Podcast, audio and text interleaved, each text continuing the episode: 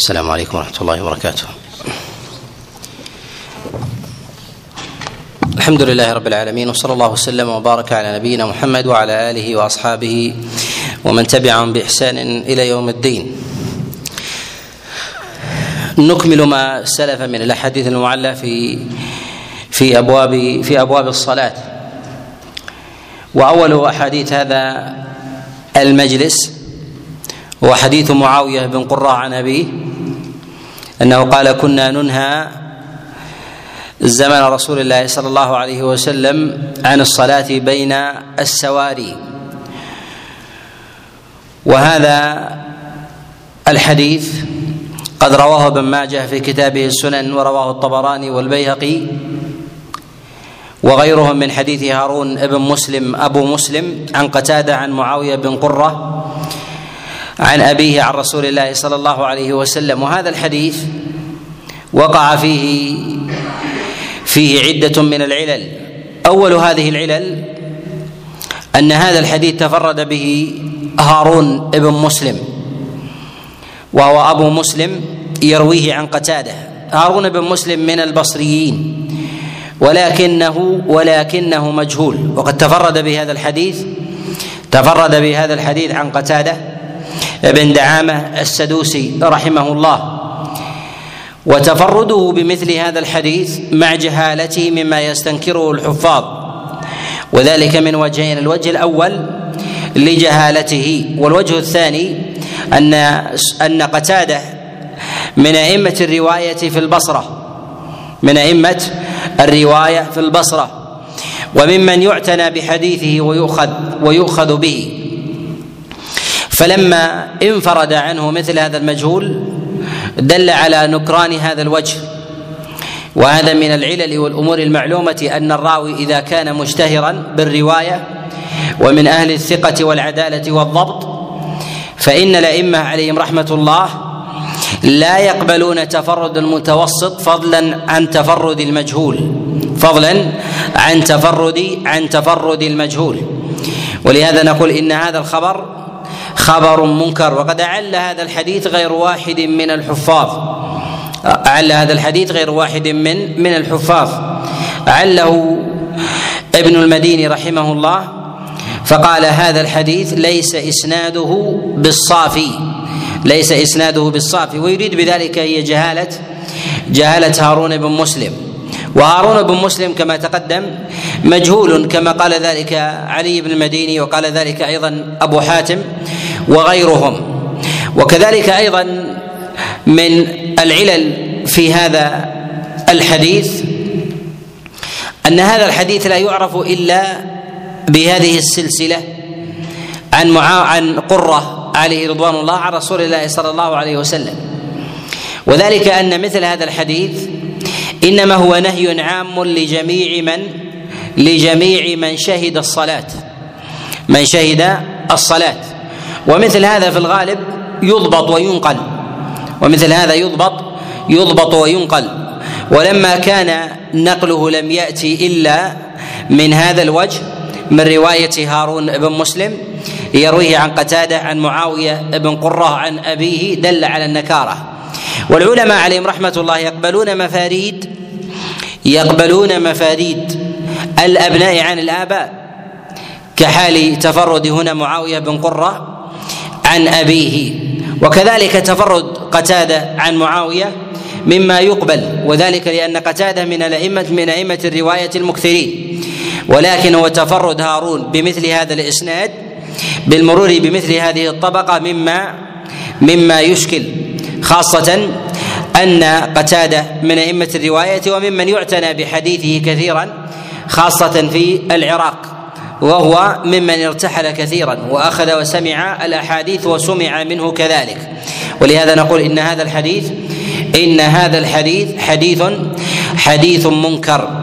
الحديث الثاني هو حديث عبد الله بن عباس عليه رضوان الله أن رسول الله صلى الله عليه وسلم قال عليكم بالصف الأول وعليكم بميمنة الصف وإياكم والصلاة بين السواري. المراد بالصلاة بين السواري هي بين الأعمدة أن يصلي الإنسان أن يصلي الإنسان بينها. هذا الحديث رواه الطبراني ورواه الحاكم في كتابه المستدرك ورواه أبو نعيم في كتابه تاريخ أصبهان جاء من حديث إسماعيل بن مسلم عن أبي يزيد المدني عن عكرمة عن عبد الله بن عباس عن رسول الله صلى الله عليه وسلم. وهذا الحديث أيضا معلول بعدة علل. أول هذه العلل أن هذا الحديث قد تفرد به إسماعيل بن مسلم المكي. وإسماعيل بن مسلم المكي ينسب إلى مكة ولم يقم فيها لأنه كان تاجرا يأتي من البصرة إلى مكة. وإتيانه من البصرة إلى مكة لا يعني إقامته فيها ولما كان عند أهل البصرة يكثر الذهاب إلى مكة سمي بذلك. سمي سمي بها. وإلا لم يكن من أهل الإقامة الإقامة فيها. وقد نص على هذا غير واحد من غير واحد من الحفاظ. قد أشار إلى هذا يحيى بن معين رحمه الله. وإن كان الأئمة حينما يترجمون له يقولون إسماعيل بن مسلم المكي ولا يقولون البصري مع أن إقامته في البصرة أكثر من إقامته في مكة. إقامته في البصرة هي أكثر من إقامته في في مكة. إسماعيل بن مسلم المكي حديثه ضعيف وهو في ذاته منكر قد قد حكم عليه بالنكارة. الإمام أحمد رحمه الله كما في العلل برواية ابنه عبد الله.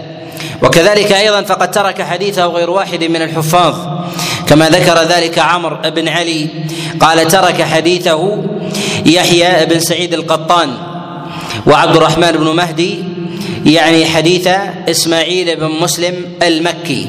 وهو في ذاته وهو في ذاته ضعيف في حفظه. قد ضعفه غير واحد كيحيى بن معين. وكذلك عبد الله بن مبارك وغيرهم. وهو وإن كان ثقة ثقة في دينه إلا أنه من جهة الرواية من جهة الرواية ضعيف. من جهة الرواية ضعيف. ولهذا الأئمة يتركون حديثه مع أن عبد الله بن مبارك روى عنه شيئا يسيرا. ومما روى عنه هذا الحديث فقد رواه عنه عبد الله بن مبارك كما جاء عند أبي نعيم في تاريخ أصفهان عن إسماعيل بن مسلم عن إسماعيل بن مسلم عن أبي يزيد عن إكرمة عن عبد الله بن عباس. وقد جاء من وجه آخر توبع عليه عبد الله بن مبارك. ولكن عبد الله بن مبارك يروي عنه من الأحاديث يروي عنه من الأحاديث ما لم يتفرد بمتنه أصلا.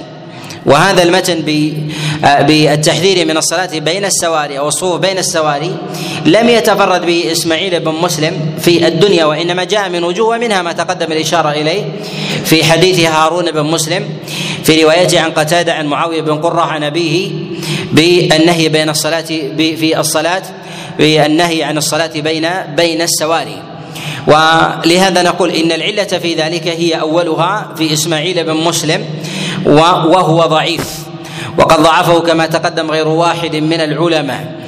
وقال ليس بشيء. أبو حاتم رحمه الله. ولهذا نقول إن أوهى أوهى وأشد العلل في هذا الحديث هو تفرد إسماعيل بن مسلم به وهو وهو ضعيف. ومن علله أيضا أن هذا الحديث يرويه أبو يزيد المدني. يرويه أبو يزيد المدني أو أبو يزيد المديني. يرويه عن عكرمة عن عبد الله ابن عباس. تضحك يا أنس. في علة؟ نعم.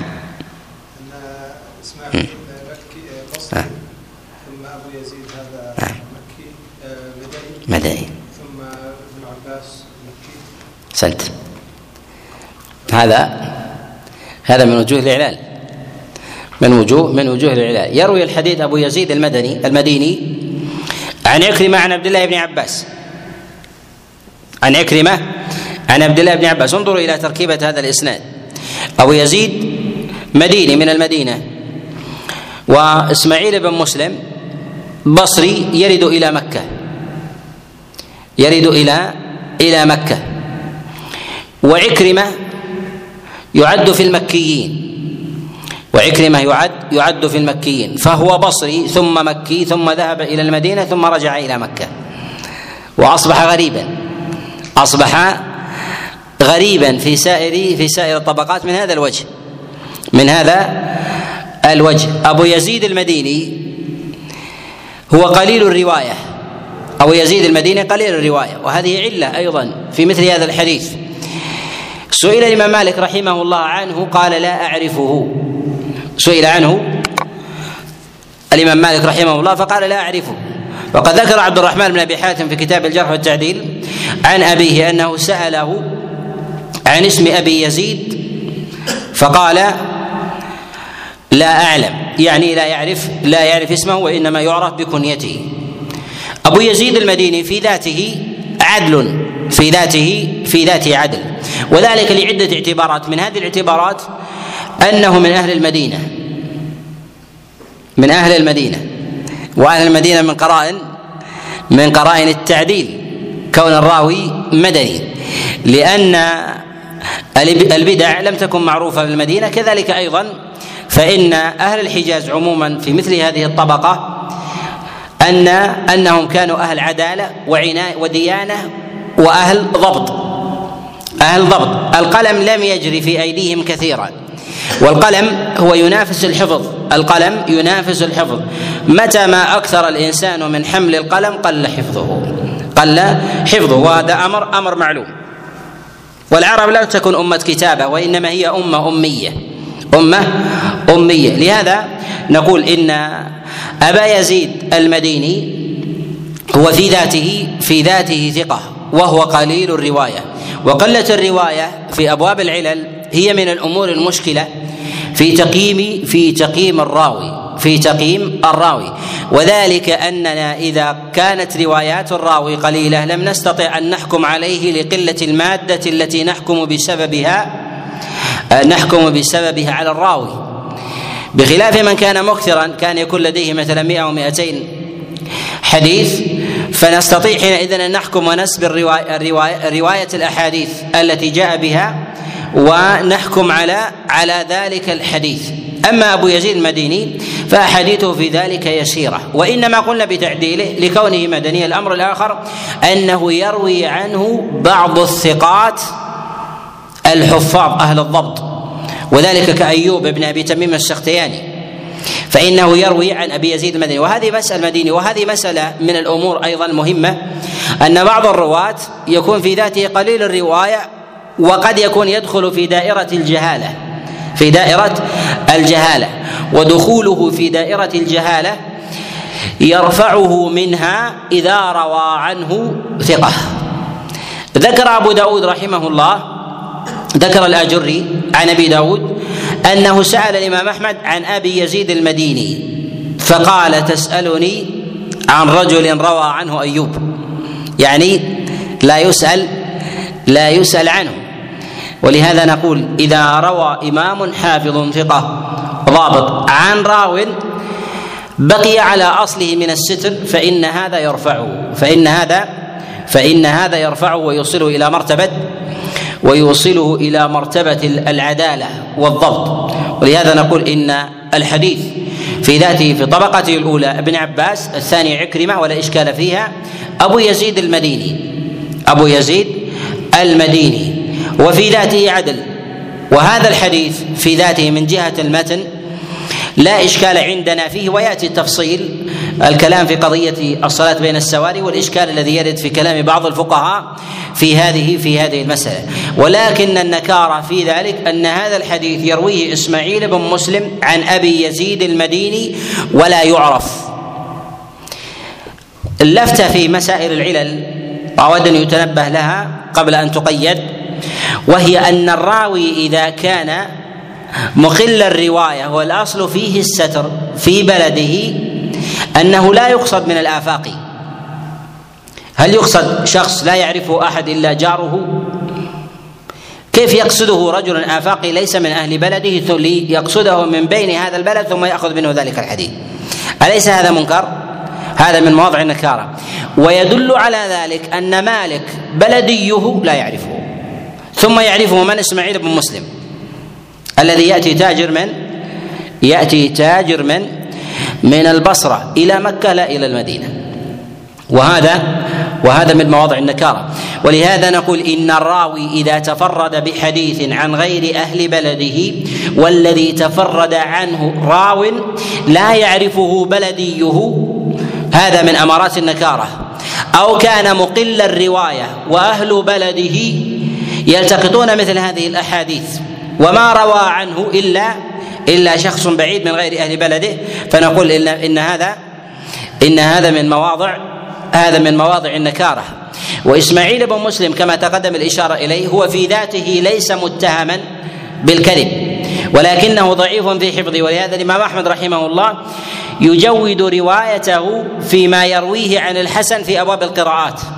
ما كان من احاديث القراءات يرويه إسماعيل بن مسلم عن الحسن فإنه مما فإنه مما يقبله مما يقبله الأئمة عليهم رحمة الله. مما يدل على أنه المطعن ليس في ديانته وليس أيضا في مسألة تعمده الكذب أو عدمها وإنما هو في حفظه. ولهذا ترك الأئمة عليهم رحمة الله تعالى ذلك ويعضد ذلك. أيضا أن ابن المبارك يروي عنه تارة ويتركه أخرى. ولهذا قد ذكر غير واحد من الأئمة أن عبد الله بن المبارك يروي عنه مرة ويدع روايته يعني في بعض يعني في بعض في بعض حديثه. وموضع النكارة كما تقدم وتفرد ذلك البصري عن مدني كون هذا المدني في ذاته مغمورا في بلده مغمورا في بلده فروى عنه آفاقي. فالذي روى فالذي يروي عنه في مثل هذه الحال ولو كان أعلى مرتبة من إسماعيل بن مسلم من جهه من جهة آه، ضبطه للحديث من الرواة المتوسطين فروى عن أبي يزيد المدني وهو في المدينة ولا يعرفه المدنيون وعرفه الآفاقي. هذا من مواضع أيضا من مواضع النكارة من مواضع من مواضع النكارة لأن المستورين يعرفهم أهل أهل بلدهم يعرفهم أهل أهل البلد خاصة أنه في مثل هذا الحديث في مثل هذا الحديث مما مما يشتهر ويستفيض يشتهر ويستفيض.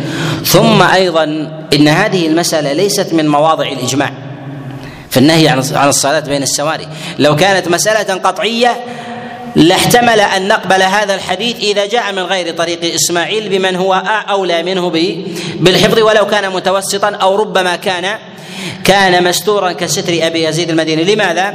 لأن مسائل الإجماع عند العلماء مما لا يعتنون برواية الأحاديث فيها عناية عناية تامة وإنما يكلون ذلك إلى إلى الإجماع.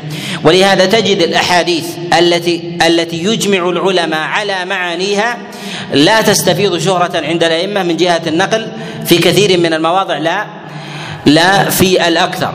ولكن نقول إن الصلاة بين السواري لما كانت من مواضع الخلاف عند الفقهاء كان كان الحكم في ذلك مما تتداعى الهمم على نقله عن رسول الله عن رسول الله صلى الله عليه وسلم.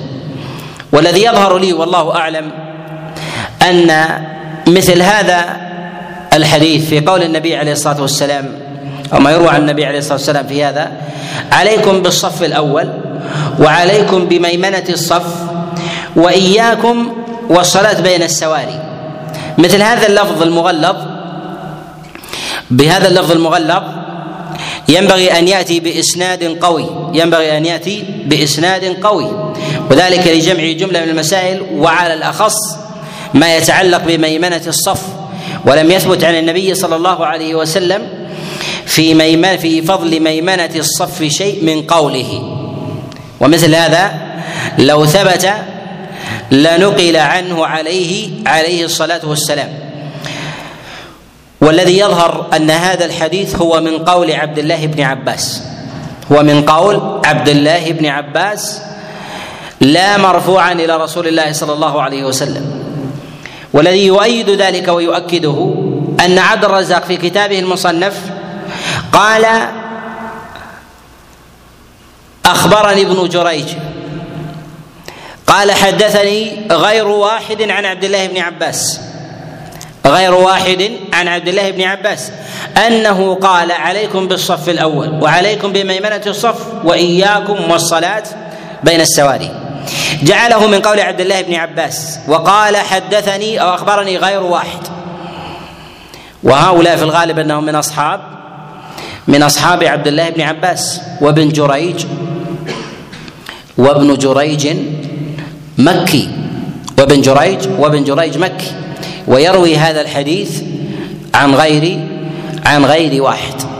من يعطينا من الرواة من أصحاب عبد الله بن عباس المكيين الذين أدركهم ابن جريج. نعم. أي هذه هذا قيد. ليس أصحاب عبد الله بن عباس المكيين لأن أصحاب عبد الله بن عباس المكيين كثر. ولكن أريد من أصحاب عبد الله بن عباس المكيين الذين أدركهم ابن جريج.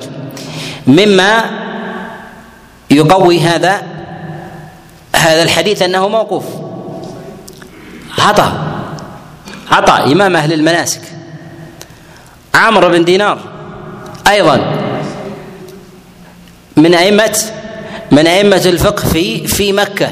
ولهذا نقول إن في قول ابن جريج أخبرني غير واحد عن عبد الله بن عباس الأصل في هذا أنه من أصحاب عبد الله بن عباس. ولهذا نقول إن هذا الحديث هو عن عبد الله بن عباس موقوف.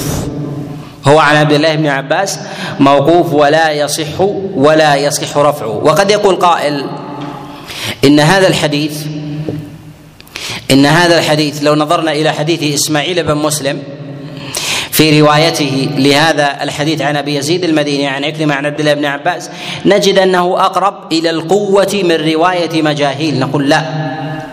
اولا هؤلاء المجاهيل هم من أصحاب عبد الله بن عباس هم من المكيين. والمكيون يختلفون عن غيرهم. الأمر الآخر أنهم أكثر من واحد. أكثر؟ أكثر من واحد.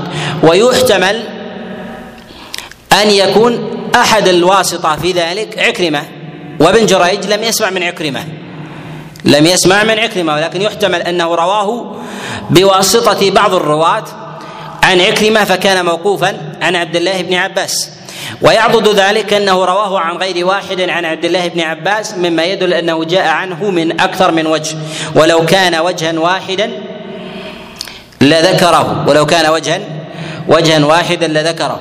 ولهذا نقول إن هذا الحديث إن هذا الحديث منكر ولا يثبت عن رسول الله صلى الله عليه وسلم. وهذا الحديث قد اجتمع فيه جملة من قرائن من قرائن التعليل التي ينبغي لطالب العلم أن يعتني يعتني بها. لدينا مسألة وهي ما يتعلق بالصلاة بين بين السواري، هل ورد فيها عن النبي عليه الصلاة والسلام بإسناد صحيح نهي؟ لا يثبت عن النبي صلى الله عليه وسلم في ذلك شيء. قال أبو بكر بن المنذر رحمه الله كما في كتابه الأوسط قال لا يثبت عن رسول الله صلى الله عليه وسلم في هذا الباب شيء. يعني في النهي عن الصلاة بين بين السواري.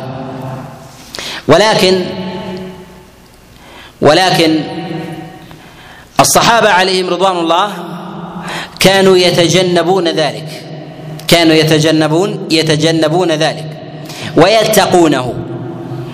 وقد جاء في هذا ما رواه الإمام أحمد في كتابه المسند وغيره من حديث عبد الحميد. يرويه عن أنس بن مالك أنه قال كنا نتقي ذلك. زمن رسول الله صلى الله عليه وسلم يعني الصلاة بين السواري. وهذا أحسن الأحاديث التي جاءت في هذا الباب. ولكنه ليس من قول النبي صلى الله عليه وسلم. الأحاديث التي جاءت في النهي في الصلاة بين السواري. جاء النهي في ذلك عاما أخذه بعض الفقهاء حتى في صلاة المنفرد. حتى في صلاة المنفرد. يأتي منفرد بين ساريتين. يقول بعض الفقهاء أن هذا يكره. أخذا بالعموم. أخذا أخذا بالعموم. ولكن نقول إن الأحاديث التي جاءت في ذلك لا تثبت. الأحاديث التي جاءت في ذلك في ذلك لا تثبت. ونردها وننكرها مع إعلاننا لها بذاتها أنه جاء عن النبي عليه الصلاة والسلام في صلاته في جوف الكعبة. أنه صلى صلى بين ساريتين. صلى بين بين ساريتين. ودخول النبي صلى الله عليه وسلم في صلاته في جوف الكعبة ليس على سبيل الاضطرار. ليس على سبيل الاضطراب وليس هذا من الأمور الواجبة ولم يثبت في ذلك نص. فإذا كان في ذلك نهي كان كان النبي صلى الله عليه وسلم أبعد عن فعله. ولهذا نقول إن الأحاديث على الإطلاق تدل على نكرتها فعل النبي عليه الصلاة والسلام. وأعل هذه الأحاديث بإطلاقها البخاري رحمه الله. قال في كتابه الصحيح باب الصلاة بين السواري في غير جماعة. في غير في غير جماعة. والبخاري رحمه الله في إعلاله يعل في بعض التراجم أحاديث بتقويته أو بيان حكم غيرها. أو ببيان ببيان حكم غيرها. وأعل ذلك أيضا ابن حبان رحمه الله في كتابه الصحيح. فقد ترجم بنحو ترجمة البخاري. قد ترجم بنحو ترجمة البخاري رحمه الله على حديث صلاة رسول الله صلى الله عليه وسلم في جوف الكعبة. وعقب على ذلك بقوله صراحة قال إذا كان في غير جماعة فلا ينهى عنه. وإذا كان في جماعة فينهى فينهى عنه. وإنما قلنا بالنهي وإنما قلنا بالنهي لثبوت ذلك عن الصحابة عليهم رضوان الله تعالى أنهم كانوا يتقونه كما جاء عند أحمد في حديث يحيى بن هانئ. عن عبد الحميد عن أنس بن مالك قال كنا نتقي ذلك زمن رسول الله صلى الله عليه وسلم وجاء ذلك أنهم صفوا أنهم صفوا في الصلاة فريضة خلف أمير من الأمراء بين السواري فقال أنس كنا نتقي ذلك زمن رسول الله صلى الله عليه وسلم وإنما كان هذا الاتقاء وإنما كان هذا الاتقاء لأن السواري تقطع تقطع الصفوف. فنهى فنهى أو نهي السلف الصالح من الصحابة عليهم رضوان الله تعالى في ذلك. وقد يقول قائل هنا في حديث أنس بن مالك الذي صح هنا في حديث يحيى بن هانئ عن عبد الحميد عن أنس بن مالك أنه قال كنا نتقي ذلك زمن النبي عليه الصلاة والسلام يعني في عهده فإذا نسب الشيء إلى زمنه فعلا أو تركا فإن خاصة في أمور العبادات فإن هذا مما يدل على رفعه. نقول نحن إنما نعل هذه الأحاديث بعينها لماذا؟ لأن هناك من الفقهاء من يحتج بها على إطلاقها. فلو قلنا بتقويتها لألزمنا لو قلنا بتقويتها لألزمنا بكراهة الصلاة بين السواري حتى حتى للمنفرد. ولهذا من فقه البخاري رحمه الله ومن دقته في أبواب العلل قال باب الصلاة بين السواري في غير في غير جماعة. مما يدل على إعلاله لإطلاق تلك الأحاديث وعلى الأقل فيما يفهم من تلك الأحاديث أن النهي في ذلك على سبيل أن النهي في ذلك على سبيل سبيل العموم وإنما هو مخصوص فيما يتعلق وإنما هو مخصوص فيما يتعلق بصلاة بصلاة الجماعة. وأما إذا أراد المصلي أن يصلي بين ساريتين جماعة والصف لا يتجاوزها. الصف لا يتجاوز الساريتين كان يصلي ثلاثة أو أربعة خلف إمام.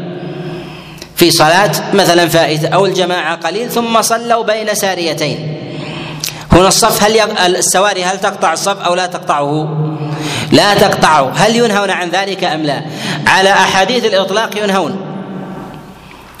على أحاديث الإطلاق ينهون لأن النص جاء في ذلك عاما للمنفرد والجماعة. ولهذا نقول ليس كل جماعة تنهى عن الصلاة بين السواري وإنما الصلاة التي يمتد الصف في ذلك حتى حتى يتجاوز الإنسان فحتى يتجاوز الصف تلك تلك السارية. وأما المنفرد والجماعة التي تكون بين الساريتين لا تمتد فإنه لا يقع عليها في ذلك النهي لأن الصحابة عليهم رضوان الله تعالى إنما قيدوا ذلك في في ما كان بين بين الساريتين حال امتداد الصفوف كما جاء في الإشارة في ذلك إلى حديث أنس بن مالك عليه عليه رضوان الله تعالى. وجاء لحديث أنس بن مالك عليه رضوان الله وجه آخر. رواه أبو نعيم في كتابه تاريخ أصبهان من حديث أبي سفيان عن ثمامة ابن أنس عن أنس بن مالك أن رسول الله صلى الله عليه وسلم نهى عن الصلاة بين بين السواري. وهذا الحديث حديث منكر. و وذلك لتفرد مجموعة من الرواة في هذا الإسناد ممن ممن لا يحتج العلماء بمثلهم فضلا عن انتظام هذا الإسناد بوجه غريب. كذلك أيضا أن هذا الحديث مما تفرد به تفرد بإخراجه أبو نعيم في تاريخ أصفهان. ومن القرائن في أبواب اعلال الأسانيد أن الإسناد إذا في حديث مشتهر إذا لم يكن معروفا من وجه آخر فجاء مرفوعا إلى رسول الله صلى الله عليه وسلم وتفرد به أحد الآفاقيين من الأئمة أن هذا أن هذا من علامات النكارة. ولهذا نقول إن ما يتفرد به أبو نعيم مرفوعا إلى رسول الله في الأحكام أن هذا منكر أن هذا منكر. كذلك ما يتفرد به الحاكم وهو آفاقي أيضا ومتأخر بالنسبة لطبقة المتقدمين قبله له في الرواية قد وتفرده في ذلك أيضا أيضا منكر. تفردات ابن عساكر في المرفوعات في الخطيب البغدادي الضياء أيضا في المختارة وأشباههم كالبيهقي رحمه الله في تفردات هؤلاء في الأحاديث في أمور الأحكام فيما لم يروه غيرهم. لم يروه غيرهم فإن هذا من قرائن النكارة. ومن وجوه النكارة أيضا في المتن أن هذا الحديث حديث أنس بن مالك يرويه يحيى بن هاني عن عبد الحميد عن أنس بن مالك قال كنا نتقي. ذلك زمن رسول الله صلى الله عليه وسلم. وهذا الحديث حديث أنس بن مالك الذي يرويه أبو سفيان عن ثمامة بن أنس عن أنس بن مالك قال نهى رسول الله صلى الله عليه وسلم. فجعل النهي لرسول الله صلى الله عليه وسلم منسوبا إليه. وما جاء في حديث أنس بن مالك إنما جعل الاتقاء أنهم كانوا يتقون ذلك من أنفسهم إما أن يكون لفهم فهموه من من رسول الله صلى الله عليه وسلم أو فعلا فعله النبي عليه الصلاة والسلام فقدمهم أو أخرهم عن السارية ومعلوم أن الفعل يختلف عن القول أن الفعل يختلف عن القول القول في ذلك أقوى. ولهذا نقول إن النهي الوارد في هذا الحديث عن حديث أنس بن مالك منكر لو جاء لو جاء منفردا. كيف وقد جاء حديث أنس بن مالك عليه رضوان الله من وجه آخر كما جاء عند الإمام أحمد؟ وكذلك عند أبي داود والترمذي وغيرهم من حديث يحيى ابن هاني. من حديث يحيى ابن هاني عن ثمامة ابن أنس عن أنس ابن مالك عليه رضوان الله عن رسول الله صلى الله عليه وسلم أنه نهى أنه نهى عن الصلاة الصلاة بين بين السواري.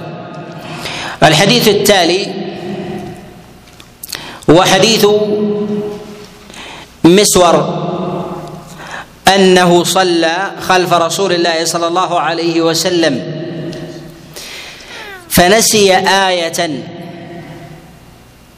فلما سلم قال له رجل يا رسول الله آية كذا وكذا نسيتها. فقال له النبي صلى الله عليه وسلم ألا ذكرتنيها. وهذا الحديث رواه الإمام أحمد رواه الإمام أحمد في كتابه المسند.